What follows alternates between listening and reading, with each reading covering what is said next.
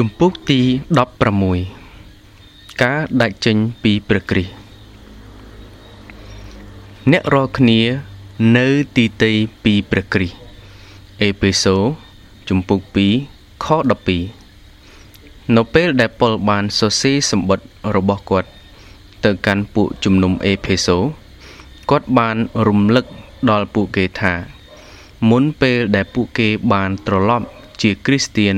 ពួកគេក៏នៅក្នុងចំណោមសេចក្តីដតីទៀតដែរគឺបាននៅទីតីពីព្រះគ្រីស្ទប៉ុន្តែពាក្យដដែលបានពិពណ៌នាថាអស់អ្នកដែលមិនបានប្រែចិត្តមកឯព្រះជាម្ចាស់ហើយត្រឡប់ជាអ្នកជឿដល់ព្រះគ្រីស្ទអ្នកទាំងនោះក៏ដាច់ចេញពីព្រះគ្រីស្ទដែរ ជាការមិនល្អដែលយើងមិនមានលុយកាក់ឬមិនមានមិត្តភ័ក្តិឬមិនមានសុខភាពល្អប៉ុន្តែវាកាន់តែអាក្រក់ជាងនេះទៅទៀតក្នុងការដែលយើងដាច់ចេញពីព្រះគ្រីស្ទ1តើមនុស្សម្នាក់ដាច់ចេញពីព្រះគ្រីស្ទនៅពេលណា នេះមិនមែនជាស្ថានភាពដែលខ្ញុំបានបង្កើតឡើងនោះទេ នេះជាឃ្លាដែលសាវកពលបានប្រើជាលើកដំបូងគ្មានអ្វីគួរឲ្យឆ្ងល់ទេ ដែលពួកជំនុំក្រុងអេផេសូជាច្រើនជាអ្នកថ្វាយបង្គំនៃព្រះស្រីដាយអេណានោះប៉ុន្តែសាវកពលមិនបានគិតអ្វីទាំងអស់ពីការនោះ តែគាត់ពិពណ៌នាមនុស្សទាំងនោះថាជាពួកដែលគ្មាន ព្រះគ្រីស្ទវិញកមនុស្សម្នាក់ដែលគ្មានព្រះគ្រីស្ទគឺនៅពេលណាដែលអ្នកនោះគ្មានចំណេះដឹងអំពីទ្រង់គ្មានអ្វីដែលគួរឲ្យសង្ស័យទាំងអស់ព្រោះមនុស្សរាប់លានអ្នកស្ថិតនៅក្នុងស្ថានភាពនេះត្បិតពួកគេមិនដែលបានឮពីទ្រង់សោះមានមនុស្សរាប់ពាន់នាក់នៅក្នុងប្រទេសអង់គ្លេស ស្គាល់ព្រះគ្រីស្ទមិនលើសជាងពួកអ្នកដែលនៅប្រទេសដទៃទៀតដែលមិនធ្លាប់ឮពីទ្រង់នោះទេ ការមិនស្គាល់ព្រះគ្រីស្ទមានន័យថា យើងមិនស្គាល់ព្រះអង្គសង្គ្រោះដែរខមនុស្សគ្មានព្រះគ្រីស្ទគឺនៅពេលណាពួកគេមិនមានសេចក្តីជំនឿដល់ទ្រង់ទោះជាពួកគេមានចំណេះបន្តិចបន្តួច អំពីព្រះគ្រីស្ទក៏ដោយអាចនឹងមានមនុស្សជាច្រើនមានចំណេះដឹងខ្លះពីព្រះគ្រីស្ទតែពួកគេមិនបានប្រើប្រាស់ចំណេះដឹងនោះជាប្រយោជន៍ទេ គេបានដាក់ការជឿជាក់របស់គេ នៅក្នុងអវ័យផ្សេងទៀតទៅវិញ គេអាចនឹងសង្ឃឹមថានឹងបានទៅដល់ស្ថានសួគ៌ដោយព្រោះអត្តចរិតល្អ របស់ពួកគេ ឬដោយព្រោះពេលខ្លះពួកគេបានអធិដ្ឋាន ឬក៏ពួកគេបានទៅព្រះវិហារប៉ុន្តែពួកគេខ្វះសេចក្តីជំនឿដែលសកម្មនិងទុកចិត្តដល់ព្រះគ្រីស្ទពួកគេដាច់ចេញពីទ្រង់ហើយគោមនុស្សដែលដាច់ចេញពីព្រះគ្រីស្ទនៅពេលណាគេមិនអាចមើលឃើញពីកិច្ចការ នៃព្រះវិញ្ញាណបរិសុទ្ធនៅក្នុងជីវិតរបស់ពួកគេ បើអ្នកណាគ្មានព្រះវិញ្ញាណរបស់ព្រះគ្រីស្ទអ្នកនោះមិនមែនជារបស់ផងទ្រង់ទេរ៉ូមជំពូក8ខ9ដើម្បីឲ្យបានចូលរួមជាមួយនឹងព្រះគ្រីស្ទនោះចំណេះដឹងសេចក្តីជំនឿនិងសេចក្តីទុនសន្តោសនៃព្រះវិញ្ញាណបរិសុទ្ធពិតជាសំខាន់ណាស់ អស់អ្នកដែលខ្វះសេចក្តីទាំងអស់នេះ ច្បាស់ជាដាច់ចេញពីព្រះគ្រីស្ទហើយខ្ញុំចង់ឲ្យអ្នកគិតពីចំណុចទាំង3ដែលខ្ញុំទើបបាននិយាយខាងលើនេះ មនុស្សជាច្រើនមិនដឹងពីសេចក្តីទាំងអស់នេះទេ មនុស្សជាច្រើន បានស្កប់ចិត្តថាពួកគេ បានមានចិត្តសប្បុរសដល់មនុស្សគ្រប់រូបហើយ ឬថា ពួកគេបានបំពេញកាតព្វកិច្ចរបស់ពួកគេហើយពួកគេនិយាយតែពីការធ្វើ ហើយមិនដែលនិយាយពីការជឿទេប្រសិនបើអ្នកគិតថាការនិយាយរបស់ខ្ញុំនេះពិបាកហើយធ្ងន់ធ្ងរពេកខ្ញុំត្រូវតែប្រាប់អ្នកថា ពាក្យទាំងនោះគឺជាពាក្យរបស់ព្រះជាម្ចាស់មិនមែនជារបស់ខ្ញុំទេ អ្នកណាដែលមិនព្រមជឿនោះនឹងត្រូវទោសវិញម៉ាកុសជំពូក16ខ16ដូច្នេះខ្ញុំត្រូវតែប្រាប់អ្នកពីការទាំងអស់នេះខ្ញុំចង់ប្រាប់មនុស្ស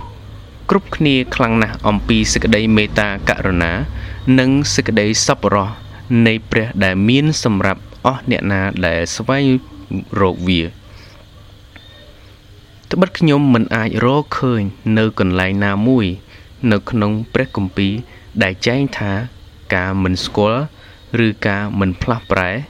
ឬការមិនជឿជាអ្វីម្យ៉ាងនោះទេ ក្រៅពីការដាច់ចេញពីព្រះគ្រីស្ទនោះ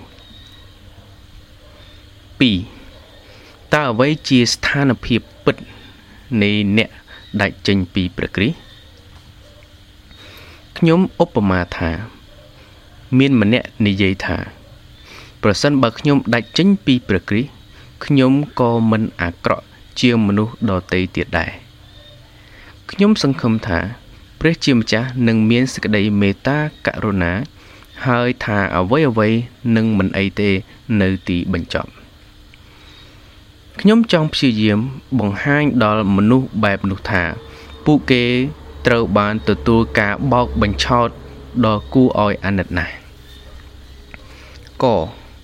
ការដាច់ចេញពីព្រះគ្រីស្ទមានន័យថា ជាការដាច់ចេញពីព្រះជាម្ចាស់ត្បិតព្រះគ្រីស្ទជាបុគ្គលតែមួយដែល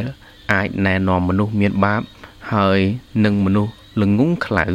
ដែលបានបែកខ្នងដាក់ព្រះអធិកររបស់ខ្លួន ដល់ព្រះជាម្ចាស់និស័យបរិសុទ្ធនៃព្រះជាម្ចាស់ ត្រូវបានពិពណ៌នាថាជា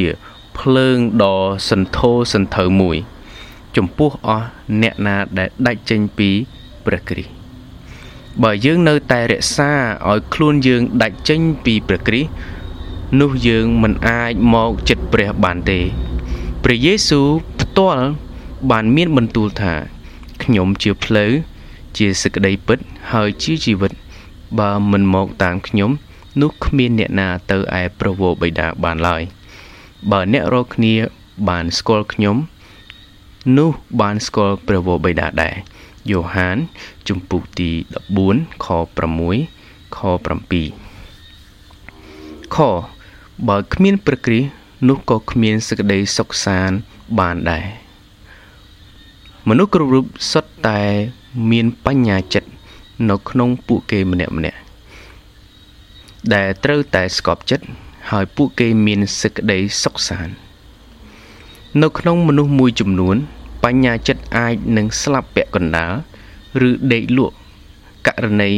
មិនបណ្ដោយឲ្យពួកគេ មានទុកព្រួយច្រើនទេប៉ុន្តែនៅពេលដែលបញ្ញាចិត្តបានភ្ញាក់ឡើង ហើយដឹងពីកំហុសនិងការជំនុំជម្រះនៅអនាគតខាងមុខ អ្នកនោះនឹងស្វែងរកអ្វីមួយដែលខ្លួនត្រូវការ ដើម្បីឲ្យបានសេចក្តីសម្រាកខាងព្រលឹងវិញ្ញាណមានតែសេចក្តីមួយប៉ុណ្ណោះដែលអាចផ្ដល់ឲ្យមានសេចក្តីសុខសាន្តនៅក្នុងបញ្ញាចិត្តដែលមានការលំបាកគឺជាការយល់ដឹងច្បាស់ថាការសុគតរបស់ព្រះគ្រីស្ទនៅលើឈើឆ្កាង គឺជាការសងថ្លៃជាក់ស្ដែងមួយ សម្រាប់អំពើបាបរបស់យើង ហើយសេចក្តីល្អនៃការសគត់នោះ ត្រូវបានប្រទានមកយើងនៅពេលយើងជឿនោះគឺជាមោហៈអត្តកំបាំងនៃសេចក្តីសុខសាន្តខាងព្រលឹងវិញ្ញាណហើយ ដែលយើងរកគ្នាបានរាប់ជាសុចរិតដោយការជឿនោះឈ្មោះថា យើងបានមេត្រីនឹងព្រះដោយសារព្រះយេស៊ូវគ្រីស្ទជាអម្ចាស់នៃយើងរាល់គ្នារ៉ូមជំពូក5ខ1 គោបើគ្មានព្រះគ្រីស្ទនោះក៏គ្មានសេចក្តីសង្ឃឹមដែរមនុស្សជាច្រើន មានសេចក្តីសង្ឃឹមម្យ៉ាងសម្រាប់ខ្លួនឯងនៅក្នុងជីវិតមួយ នៅពេលខាងមុខប៉ុន្តែមនុស្សតិចតួចណាស់ដែលអាចផ្ដល់ហេតុផលមួយសម្រាប់សេចក្តីសង្ឃឹមដែលពួកគេមានពេត្រុសខ្សែទី1ជំពូក3ខ15សេចក្តីសង្ឃឹមមិនច្បាស់នេះ នឹងមិនអាចជាប្រយោជន៍នៅពេលដែលអ្នកត្រូវការបំផុតទេ គឺនៅពេលស្លាប់សេចក្តីសង្ឃឹមដែលសមនឹងមាន គឺជាសេចក្តីសង្ឃឹមដែលពឹងដល់ព្រះគ្រីស្ទនិងអ្វីដែលទ្រង់បានធ្វើក្នុងនាមជាព្រះអង្គសង្គ្រោះសេចក្តីសង្ឃឹមបែបនេះនឹងមិនដាច់ចេញពីព្រះគ្រីស្ទឡើយខ ដូចជាអ្វីដែលខ្ញុំបាននិយាយរួចមកហើយថា ការដាច់ចេញពីព្រះគ្រីស្ទគឺជាការដែលដាច់ចេញពីនគរស្ថានសួគ៌ខ្ញុំមិនសំដៅត្រឹមតែថាគ្មានព្រះគ្រីស្ទអ្នកមិនអាចចូលទៅក្នុងនគរស្ថានសួគ៌ប៉ុណ្ណោះទេប៉ុន្តែថែមទាំងថា អ្នកនឹងមិនសប្បាយរីករាយទេ បើអ្នកបានចូល ក្នុងនគរស្ថានសួគ៌មែននោះសេចក្តីអំណរនៃនគរស្ថានសួគ៌គឺជាការដែលនៅជាមួយនឹងព្រះគ្រីស្ទតើគេអាចនឹងសុបិនចង់បានស្ថានសួគ៌ដោយគ្មានព្រះគ្រីស្ទដោយរបៀបណាបាន នៅក្នុងគ្រប់ទាំងការពិពណ៌នាអំពីស្ថានសួគ៌ដែលព្រះគម្ពីរផ្ដល់ឲ្យយើងវត្តមានរបស់ព្រះគ្រីស្ទ គឺជាលក្ខណៈដ៏សំខាន់មួយ ស្ថានសួគ៌ដែលគ្មានព្រះគ្រីស្ទមិនមែនជាស្ថានសួគ៌ដែលបានចែងនៅក្នុងព្រះគម្ពីរទេខ្ញុំអាចនឹងនិយាយបន្ថែម ចំពោះការទាំងនេះដោយងាយស្រួលបានខ្ញុំអាចប្រាប់អ្នកថា បើគ្មានព្រះគ្រីស្ទនោះក៏គ្មានជីវិត គ្មានកម្លាំងគ្មានសុវត្ថិភាព គ្មានគោលបំណង នៅក្នុងជីវិតហើយក៏គ្មានមូលដ្ឋាននៃជីវិតដែរពួកអ្នកដែលគ្មានព្រះគ្រីស្ទគឺមានន័យថា ពួកគេកំពុងតែស្ថិតក្នុងស្ថានភាពដ៏កាន់តែអាក្រក់ហើយឬសំខាន់ចំពោះមេឃខ្យល់សំខាន់ចំពោះសួតរបស់យើង អាហារនិងទឹកចំពោះរូបកាយរបស់យើងយ៉ាង នោះព្រះគ្រីស្ទសំខាន់ចំពោះយើងលើសពីនោះទៅទៀតគ្មានអ្វីដែលគួរឲ្យអាណិត ដូចជាអ្នកដែលគ្មានទ្រង់នោះទេ